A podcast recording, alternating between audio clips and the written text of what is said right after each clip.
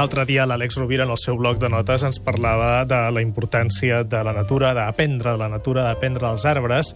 Què tal, Àlex? Ben retrobat. Molt bé, Gaspar, Sí. molt content d'estar aquí. Un dels aspectes que, que podem aprendre més de la natura és aquest veure com tot té el seu ritme i que no es pot forçar aquest ritme, no? I avui, precisament, la teva reflexió al bloc de notes va al voltant de créixer cadascú segons el seu propi ritme. Exactament, sobre la originalitat i sobre la naturalitat. I en aquest cas, ja saps, Gaspar, que m'agrada sempre recomanar la lectura d'algun autor d'algun llibre. Hi ha un autor molt interessant, molt amable, molt lúcid, que és Anthony de Melo. N'hem parlat algun cop aquí. Anthony de Melo va ser un, actor, un, un autor prolífic, va escriure llibres molt interessants de conte breu, um, de reflexions, d'aforismes. I en aquest cas m'agradaria agafar un conte d'ell i compartir-lo amb, amb les amigues i els amics que ens escolten. Diu així, una vegada, en observar un home com una papallona lluitava per sortir del seu capoll amb massa lentitud per al seu gust, va tractar d'ajudar-la bufant-li. I, en efecte, la calor del seu alè va servir per accelerar, accelerar el procés.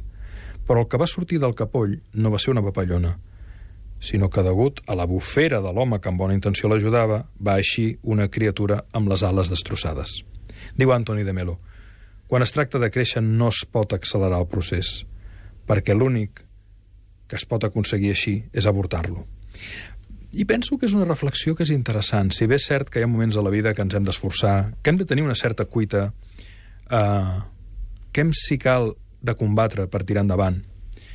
De vegades és bo assumir que tot procés també té un ritme natural, té una cadència natural, té un ritme que si mirem d'empènyer-lo, l'avortem. Jo recordo una vegada en una entrevista que li feia Antoni Bassas en Raimon Pàniker, que deia no podem fer créixer el roser estivant-li de les fulles, i acabava dient la plenitud és inversament proporcional a l'acceleració.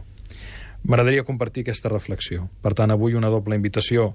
Per una banda, conèixer Anthony de Melo com a autor de llibres molt interessants sobre, sobre reflexions espirituals de l'existència, és un autor molt, molt lúcid.